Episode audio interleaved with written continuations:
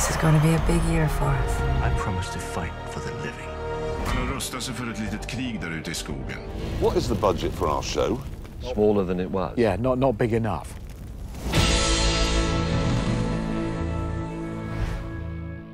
Hej och varmt välkomna till det sjuttonde avsnittet av Streamingpodden. En podcast för dig som är intresserad av streamingnyheter och allt som händer i det området. Och det är som vanligt med mig, Jonas Rydholm Birmi och Magnus Svensson. Vi är båda från Ivin Technology. Och idag, idag är dagen då Apple lanserade sin tjänst, Apple TV+. Nu är den Mm. äntligen här. Vad ska du titta på där, Magnus? Jag kommer nog börja med Si. Jag har fått för mig att den kan vara lite intressant och eh, jag har nog en, en tanke på att klämma även The Morning Show. Så får vi se. Du vet vad du gör i helgen alltså? Ja, jag tänkte binge-watcha Apple TV+. Nej, Mm. men jag ska åtminstone bekanta mig med serierna och, Mm. och eh, jag tror inte, jag, som jag har förstått så ligger det ute ett par avsnitt av varje bara. Så Mm. att det går nog relativt fort om man skulle vilja binge allting i helgen. Mm. Jag tänkte nog, jag är lite nyfiken på den här Kinnaman-serien. Mm. Den där med, med eh, vad heter den? Behind all. Mm, det heter någonting sånt. Ja. Ja, men jag tror att man, jag, jag ska bekanta mig med, jag tror jag nog jag startar upp det redan ikväll. Mm.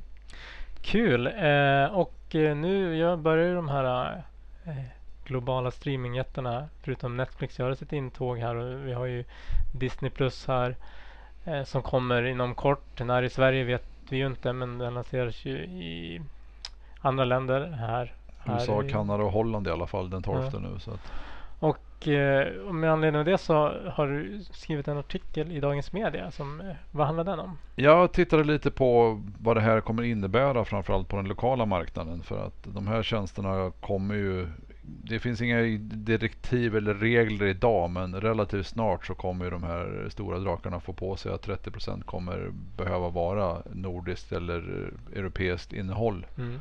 Är inte det bra då? Det är jättebra så att, ehm, och jag tror att det är bra för även för produktionsbolagen. Så jag tittade in lite på deras vy av det hela och Mm. att det kommer ju en, en del både tekniska och säkerhetskrav in på de som vill vara med och producera åt Netflix, HBO och de andra. Mm.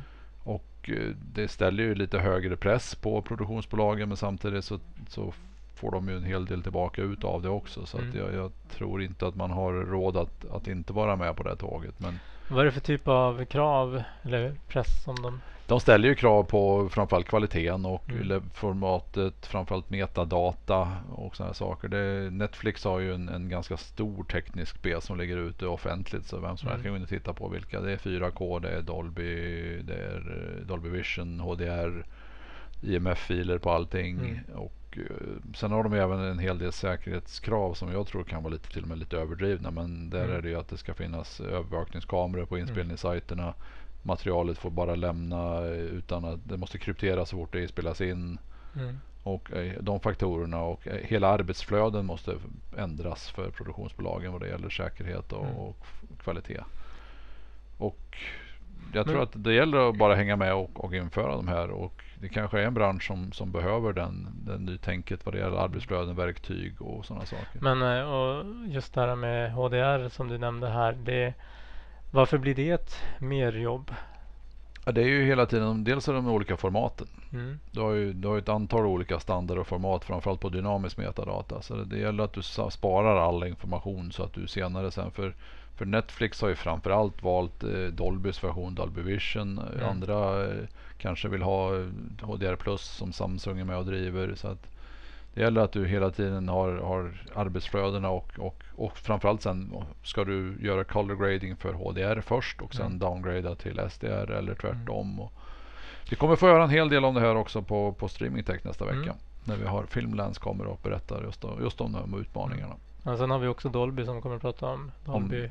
Om ljudbiten av det Mm. hela. Så att, eh, produktion och produktionssidan tror jag får mm, intressant eh, framtid framöver. Och det är som du nämnde där med HDR och icke HDR att det inte är det är inte konverterbart däremellan. Nej. Inte utan eh, att tappa den artistiska intentionen så att Mm. säga. Ehm, så att därför innebär det ju ett, ett, ja, kanske i många fall ett manuellt dubbelarbete. Då. Mm. Och det innebär ju mer, mer jobb som du säger. Definitivt. Jag, när jag pratade med Finlands inför för Streaming Tech här nu så pratade vi just mycket om att För produktionssidan och för klienten i andra änden så är HDR kanske det mest komplicerade problemet.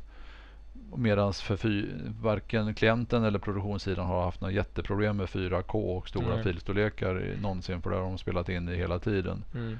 Medan det är distributionen har sen problem med de stora filstorlekarna Mm. på 4K men kanske inte bryr sig lika mycket om om det är HDR metadata eller inte Mm. i där. Nej, och det kan jag ju tänka mig att det blir så här om det är distributionen då som eh, de ser inte kanske att de förstår inte varför det blir dyrare att producera. Nej. Eh, för att eh, de har ju redan de har ju redan så stora filer kan Mm. man ju naivt säga. Medan de själva ska distribuera med mycket större filer. De får en större kostnad. Eh, och tvärtom. Så att, eh, det finns väl kanske ett litet gap där mellan Mm. Ja, det är och intressant balansgång där också och, och samtidigt så är det ju synd att vi har bundlat 4K HDR som vi faktiskt har gjort. Mm. Som egentligen inte har någon som helst teknisk anledning att gå tillsammans. Vi skulle lika gärna kunna lagt HDR-aspekten på en vanlig HD-sändning. Men de har, de har på något vis fått åka ihop Mm. och det gör att båda kanske har blivit begränsade av just de här anledningarna.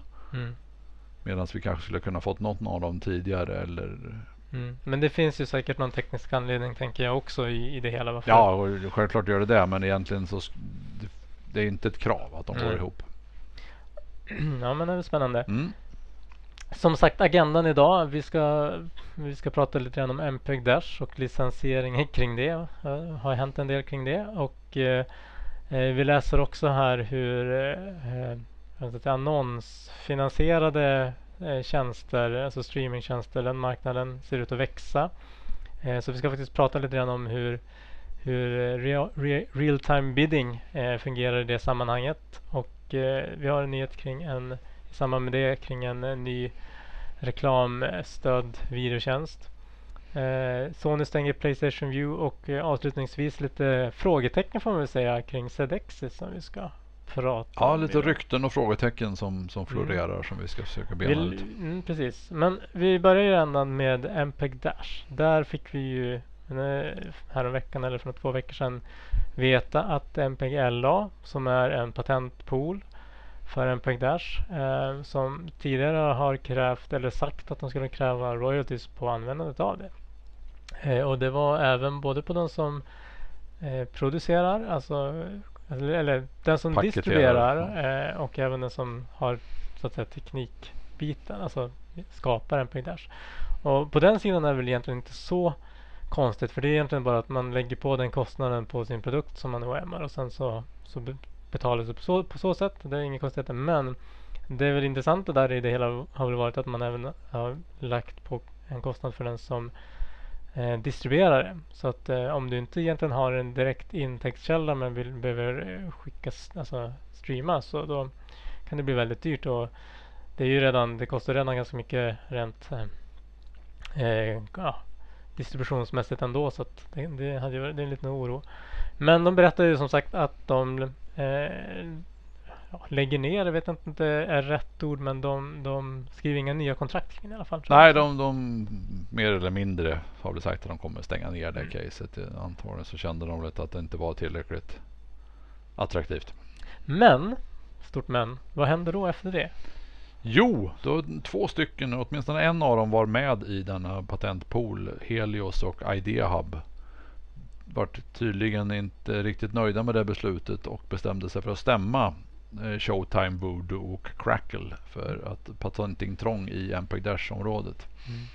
Så att det här får vi väl följa med lite spänning och se hur den här låsuten och, och den är stämd i Federal District of Court in Delaware. Delaware, okej. Mm. Så där får man då följa och se vad som händer. Och jag har inte satt mig in i detaljerna i vad de här patentclaimsen innebär. Men rykten i olika forum eh, är att det är relativt triviala saker. Att det i princip hämtar ner videofilmer baserat på en, en, en playlist i XML. Mm. Vilket många då claimar att där hade HLS långt innan deras patent och Mm. sådana saker. Så att det kommer nog stötas och blötas en stund. Men oron kommer ju alltid ligga där en liten stund. Mm. Och det där är ju alltid den eh, kluriga dis- dis- diskussionen kring patent. Just man kan väl diskutera teknikhöjden i just Mm. det här att eh, en film XML å andra sidan. Men, men eh, sånt är ju alltid lätt i efterhand också att se. När, liksom, Ja, och en, enkla lösningar är ju kanske alltid de svåra att komma på också. Ja. Men jag vet inte om det applicerbart i det här fallet. Men det ska man ju ha, eh, ha i åtanke. Patent är inte alltid, det, det är ju så att säga ett, ett värde, ett IPR som gör Mm. att man kanske kan investera i tid och, och Mm. pengar på att faktiskt ta fram någonting så att det finns ett värde av det. Men, men med det sagt så så, så är det som har hänt och vi kanske vill inte veta så mycket mer.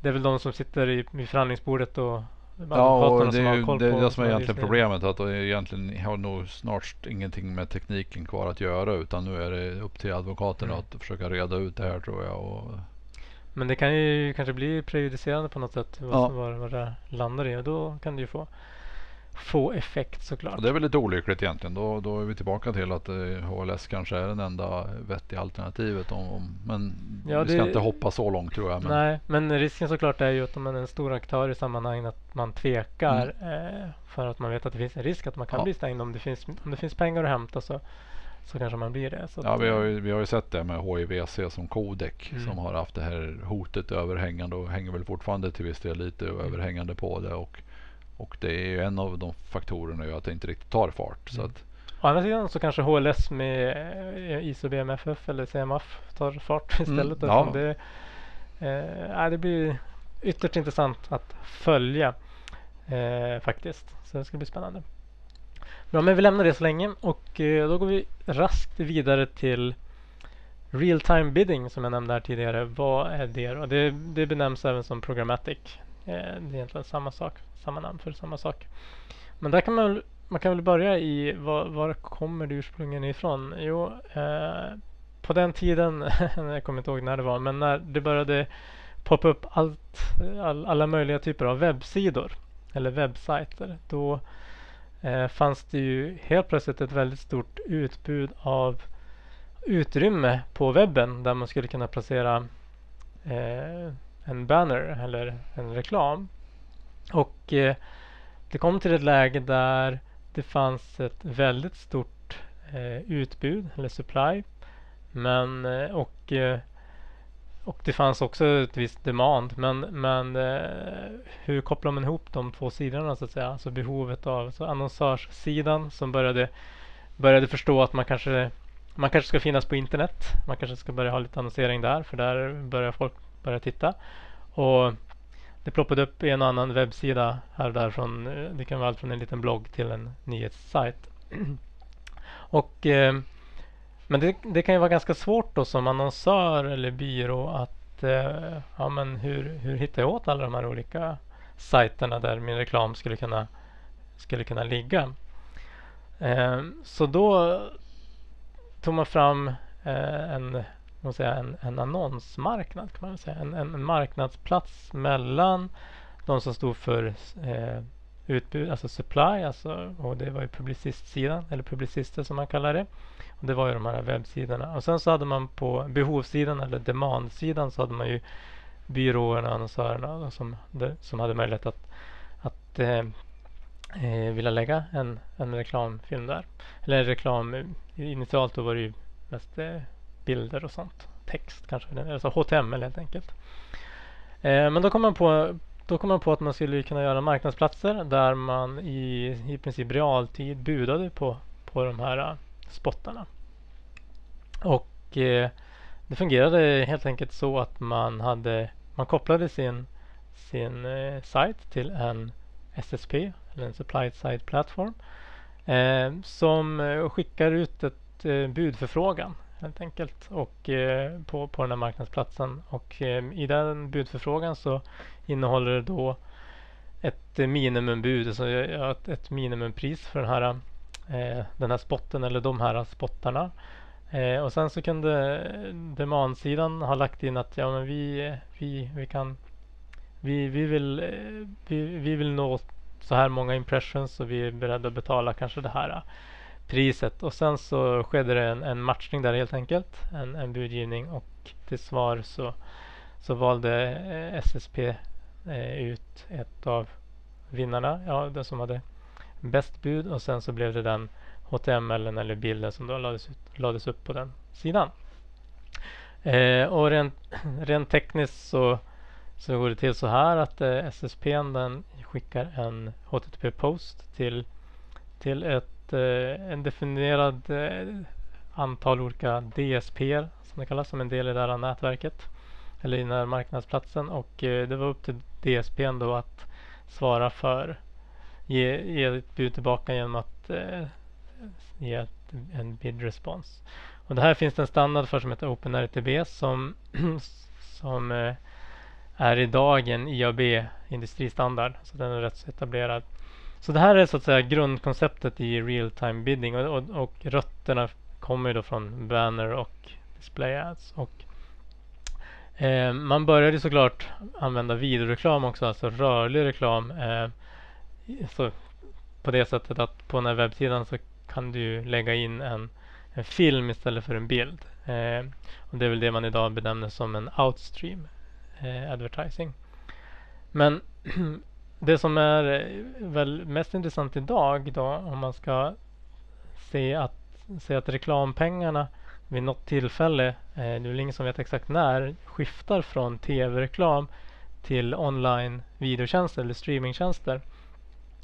Eh, då, då, och när annonsörspengen så att säga förflyttas så behöver man ju eh, ha en upplevelse som är liknande. Och det är då det kommer till det som kallas för in-stream ads.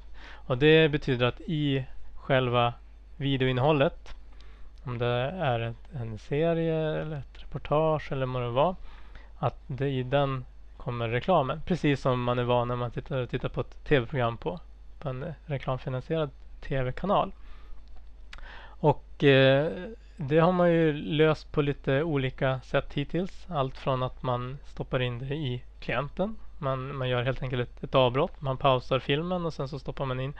Man gör helt enkelt, man, man, man pausar filmen och sen så gör man en sån här uh, bid request och allt mm. sker på marknaden och sen så får man tillbaka en reklamfilm och sen så stoppar man in den och så spelar man den i en sekvens. Ja, normalt är det ju då två spelare också bara för att krångla till det ytterligare i klienten. Så ja, du, en, du pausar den spelaren som spelar mm. filmen och startar en ny spelare där du mm. spelar upp reklamen och sen tillbaka.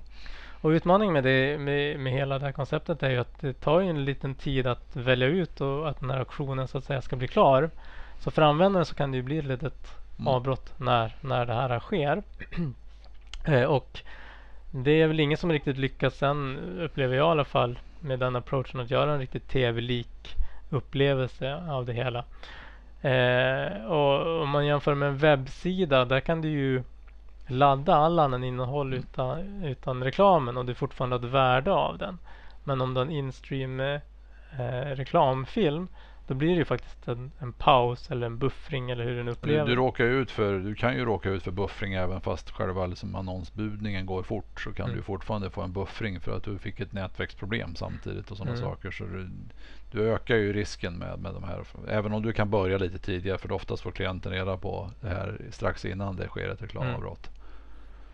Nej, och sen så, sen så finns det ju lite olika tekniker för hur du tar fram en, en, en vinnare bland de här budgivarna. Det ena är ju eh, att man frågar en DSP först.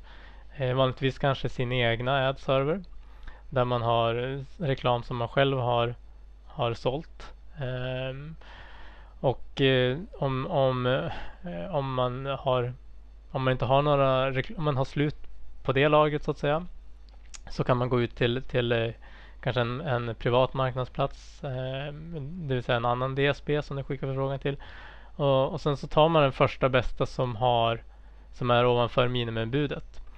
Eh, nackdelen med den approachen det är ju såklart att eh, eh det kan ju finnas någon där i, i nästa steg i kedjan som bara vill lägga ett högre bud som du inte mm. vet om. Eh, och på så sätt så kanske inte det optimerar eh, så mycket, maximerar pengarna du kan få in. Eh, andra sättet är ju såklart skicka till flera eh, DSPR samtidigt och sen samla in från, från, från dem och sen tar man den som hade högst bud av de som eh, kvalificerar. Eh, men, men, men, båda approacherna har ju, har ju lite för och nackdelar får man väl eh, säga. I form av den ena kan ju ta, ta mer performance och, och längre tid. Mm. Eh, och vi pratade om klientsidesinsätt. Det är en approach. Den andra approachen är ju något som jag säkert nämnt tidigare också. Det är att man gör det i, på riktigt i strömmen helt enkelt. Så att det som för, för spelaren inte behöver hantera flera källor utan den, den spelar en, en ström och sen får den eh, vissa videosegment där från innehållet och andra, andra segment kommer från, från eh, reklamfilmen så att säga. Men det har ju lite andra, det har ju vissa utmaningar också eh, med, med den approachen och, och eh, vilket gör att en, en sak kan ju vara att, att eh, eh, det inte blir riktigt lika just in time som man vill. Om, om, du, om du har en VOD till exempel, då genererar du ju en, ett, ett, ett manifest från början. Om du då har en VOD med tre breaks, eh, då kan det ju vara svårt. Om du då redan i det läget ska gå ut på de här äh, marknaden och få en reklam eller din egen adserver. Då har du fyllt reklambreaksarna med de här reklamerna. Eh, oavsett om du kanske tittar på hela programmet. Eh, det vet man inte vid det läget. Eh, och det kan vara svårt att hindra att man kanske får samma reklam i, i varje break. Eh, frequency capping som det kallas. Eh, och det kan ju vara en utmaning. Och sen när man kommer till live. Eh, då har man ju en annan utmaning. Då blir det helt plötsligt ganska stora pikar.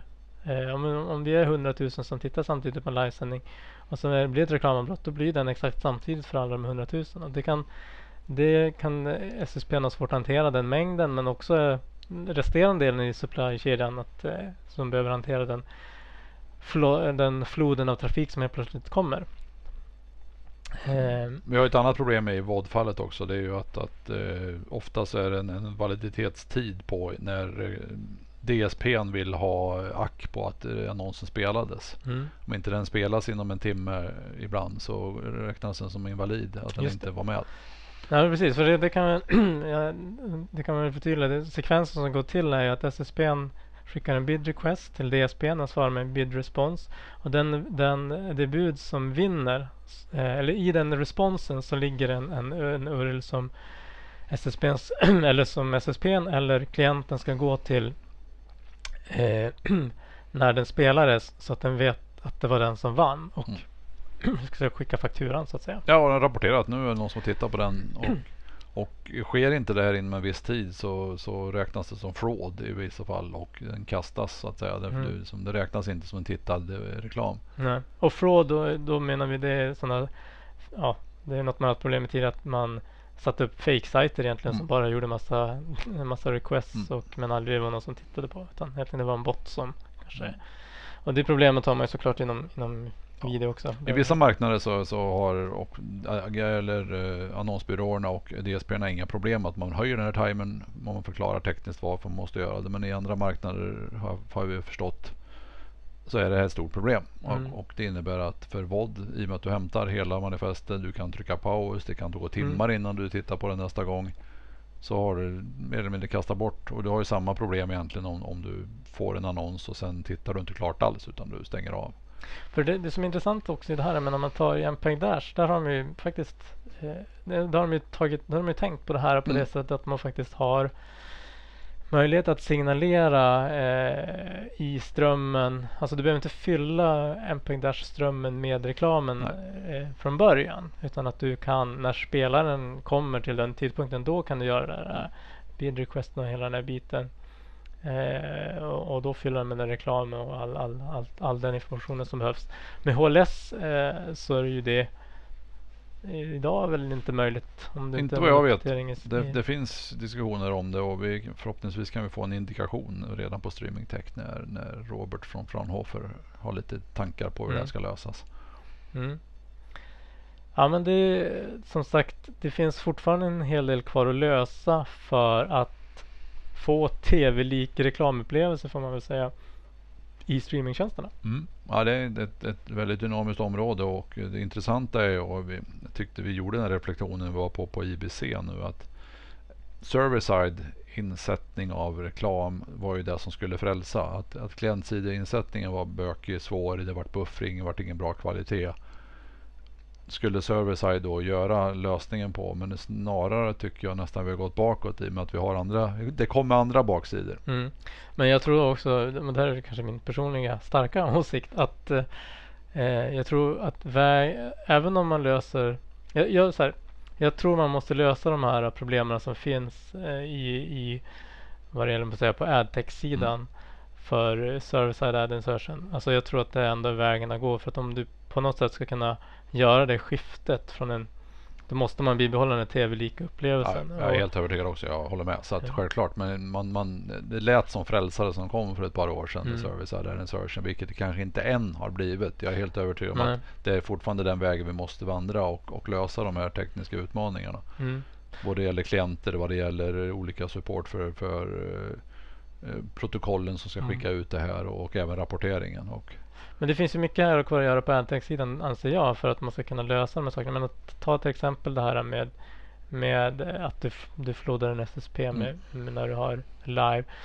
Eh, det, det, jag saknar ju lite, det kanske pågår diskussioner men jag saknar i alla fall just nu att eh, det, finns, det finns ingen möjlighet att du kan signalera bakåt i kedjan eller i, i supply-kedjan att okej, här kommer det komma ett stor stort request. Du kan göra en projection. Jag Mm. menar just med, med live så har man ju alla de möjligheterna som du vet att det är 100 000 som tittar. Du vet att det kommer ett reklambreak samtidigt för alla med 100 000. Du kan ge en indikation eh, bakåt i leden att okej hej om två minuter eller, eller väldigt snart så kommer det komma eh, en request så skala upp era tjänster tack. Jo, det finns ju, det finns ju teknologier runt både prefetching, att du går lite, du chansar och hämtar för reklamavbrotten långt innan de sker och det finns prebidding pre-bidding där du skickar ut och förvarnar även DSPn att nu kommer det snart en, en annonsplats här. Och kan, man kan göra upp mycket av affärerna innan och man kan hämta lite av annonserna innan och sådana saker. Så att det finns, det finns, det är på gång mycket lösningar för just de här skalbarhetsproblemen. Ja, fast då blir det ändå man på något sätt går runt ett problem. Om, man, om man lägger problemet på eh, ad inserter-biten att snarare smeta ut eh, requesterna mot SSPn. Då, då, då, det vore ju bättre att det i så att säga själva Mm. real-time bidding standarden, så att säga OpenRTB eller vilken det är, fanns möjligheten att signalera att eh, det kommer ett stort supply Mm. här snart, förbereder. Eh, och kanske även åt andra hållet i någon form. Samtidigt så är det om man tittar på en indisk cricketmatch. Vi pratar miljoner som tittar samtidigt. Så det, det ska skalas upp ganska rejält. Om det, alla ska hämta annonser samtidigt. Jo, men jag tänker så här att om, om ja, ja absolut. eh, men det hade ju varit, det hade ju varit utmaning eh, oavsett. i- Ja, det hade det varit. Eh, bra, Nej, men vi, vi kan lämna det och eh, som sagt om ni har några funderingar och frågor och vill veta mer just eh, eller diskutera det här ämnet som vi pratar om nu om, om reklam och eh, inom, inom streamingtjänster så, så finns vi i Streaming Tech Sweden Slack och kanalen Streamingpodden så där får ni gärna gå in och kommentera och diskutera kring detta ämne. Eh, ska vi gå vidare? Kan vi göra. Då har vi en, du kan få berätta om Dark Matter TV. Dark Matter TV är en eh, ganska passande launchdatum. De launchade den 31 oktober en, en skräckfilmstjänst. Annonsfinansierad där du kan eh, via Android, iOS och ett antal smart-TVs titta på eh, skräckfilm. De har 400 titlar med horror Okej. movies. Mm. Än så länge bara i USA. Och eh, kostnaden kommer ligga ungefär som, som det finns en kostnad fast den, det finns en, en du kan betala för att få en annons fritt för Mhm. 5 dollar eller så Okej. får du det gratis. Mm. Så att eh, sådana här nischfilmer, sajter som kommer komma upp fler och fler tror jag och sen Mm. kommer de få så länge det är annonsfinansierat så kanske de kan överleva. Jag tror inte de ska räkna med att få in jättemycket pengar på att, att, att alla har råd att lägga 5 dollar här och där. Mm. Men det är ett kul initiativ. Skräckfilm. Horror, horror movies för 400 titlar. Mm. Ja, det kanske man får om man gillar skräckfilmer. Mm. eh, nästa grej vi kan diskutera är Playstation View. Ja, det är tyvärr en tjänst som går åt andra hållet. Det är Sonys Playstation View-tjänst. En streamingtjänst. En så kallad Skinny Bundle-tjänst. Där du hade linjärkanaler, traditionella linjärkanaler fast i en streamingformat. Mm. Som eh, tyvärr lades ner nu. De fick inte finansiering tillräckligt. De fick inte ihop eh, affären runt det. Så att de, har väl, de hade väl nästan en halv miljon abonnenter. Så att det, det var ju inte inte helt liksom, tomt på abonnenter. Så att man ser ju hur tufft det kan vara att, att få en sån här tjänst att snurra nu. Mm. Nu kanske inte skinny bundles med kanske, nu, nu har jag lite dålig koll på men det var inte de mest attraktiva kanalerna de hade samlat här. Mm. Så att jag tror att det visar bara på de traditionella kanalpaketen som har varit så är det, det är några Prime-kanaler som bygger upp hela paketet.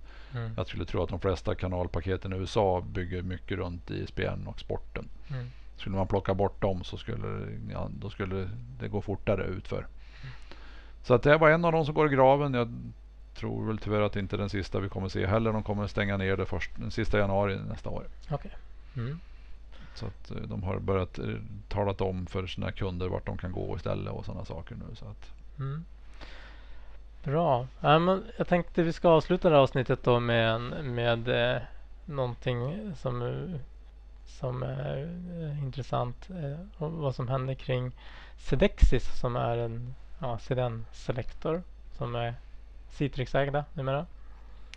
Vad, vad, vad vet vi kring det? Eh, ryktena har gått egentligen. Jag har hört, jag har hört om ett, ett par veckor här sedan efter IWC att, att eh, Citrix som då köpte Sedexis för något år sedan eh, skulle stoppa den delen, lägga ner den delen av, av sin verksamhet. Och eh, de ploppade upp idag igen. Senast eh, läste jag på lite olika trådar att nu helt plötsligt så har de verkar ha gått ut, Citrix verkar ha gått ut med ett, ett meddelande till alla sina återförsäljare och säger Okej. att, att idag, från och med idag så är det end of sales på den lösningen och Mm. eh, de, kommer, de kommer maintaina men de kommer även då sakta men säkert plocka ner supporten också från om det här stämmer eller inte, det är fortfarande inga officiella som har kommit Ingenting ut. från Citrix? Inget från Citrix än. Jag tittade så sent som för någon minut sedan och försökte hitta någonting. Men, Mm. men enligt relativt säkra källor så har det gått ut till hela återförsäljarkåren att Mm. det här kommer ske. Det här öppnar ett litet hål på marknaden för Citrix och Sedexis lösning har väl varit den absolut mest använda för just CDN Selection. Så Mm. Det ska bli intressant att följa det här och se och vart, vart kunderna tar vägen och, och om det nu stämmer. Det, jag har svårt att tro att det är helt rök utan eld. Mm. Men varför tror du, varför, var, varför skulle Citrix lägga ner en framgångsrik produkt? Troligen kanske det inte är i Citrix mått mätt tillräcklig lönsamhet på den Mm. mot, mot sina övriga produkter med cloudtjänster och cloudbalanseringar och de sakerna. Mm. Så att kanske är den väldigt prispressad. Jag, jag måste säga att jag har lite dålig insikt i exakt hur lönsamheten är på de här produkterna. Du betalar inte mycket per CDN Selection så att det, det kanske inte är tillräckligt stor lönsamhet mot vad det kostar att driva den tjänsten. Mm. Enda anledningen jag kan komma på varför man skulle Ja. lägga ner en tjänst annars. Så att, Nej, för det är ju, den, den är ju som sagt varit väldigt lyckosam. mm. Får man väl säga att den Den är absolut väl, mest välanvända vad jag, vad jag ser på marknaden. Så Mm. att jag har inte sett några officiella siffror på marknadsandelar men jag skulle säga att den är klart största på Mm. bransch, i branschen. Men det finns en del uppstickare som kommer som kanske inte är lika etablerade men det, det sker ju det sker, det sker ju utveckling på den fronten. Ja absolut, Eh, så att det, jag, jag tror ju att nu, nu gäller det för, för konkurrenterna att, Mm. att, att eh, steppa upp och, och ta över de här Mm, kunderna som sakta men säkert kommer säkert börja lämna nu. Och mm, jag skulle gissa att det finns även sån, sån analytics och, och statistik eh, och eh, datainsamlarföretag som kan se, vädra lite morgonluft och Mm. kanske bredda sin portfölj. Mm. Men samtidigt som det borde ju ja, om, om de har svårt att få om de inte tycker det är tillräckligt lönsam Mm. business då ska man ju fundera på om det är rätt väg. Rätt sak att Ja. satsa sina hästar på då.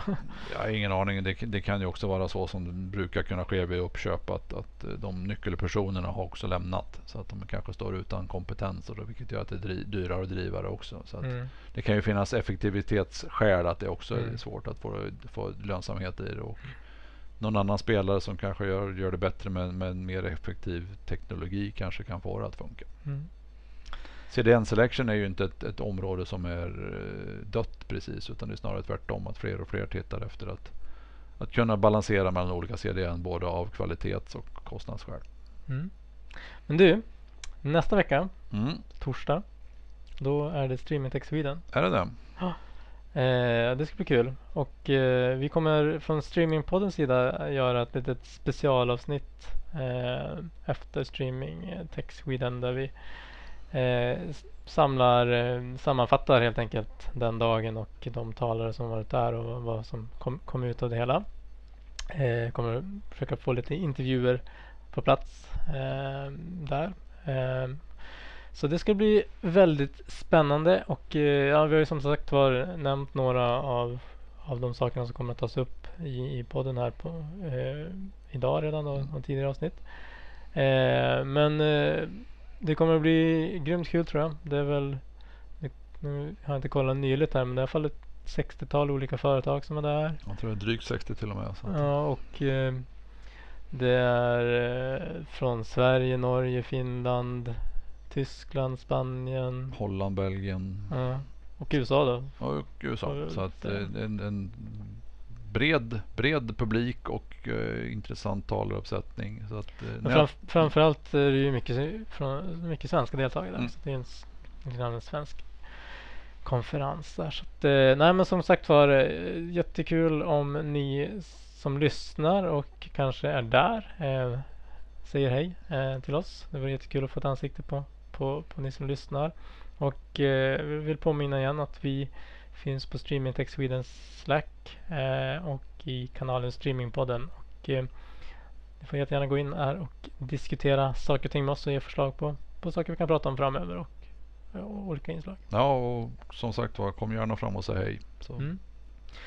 Med det så säger vi tack och hej för idag tror jag. det gör vi. Tack så ni ha. Ha en Tack. bra helg. Hej. Ni har lyssnat på Streamingpodden. En podcast för dig som är intresserad av streamingteknik och nyheter i området. Programmet produceras av Ivin Technology, leverantörsoberoende specialister inom videoteknik och mediedistribution.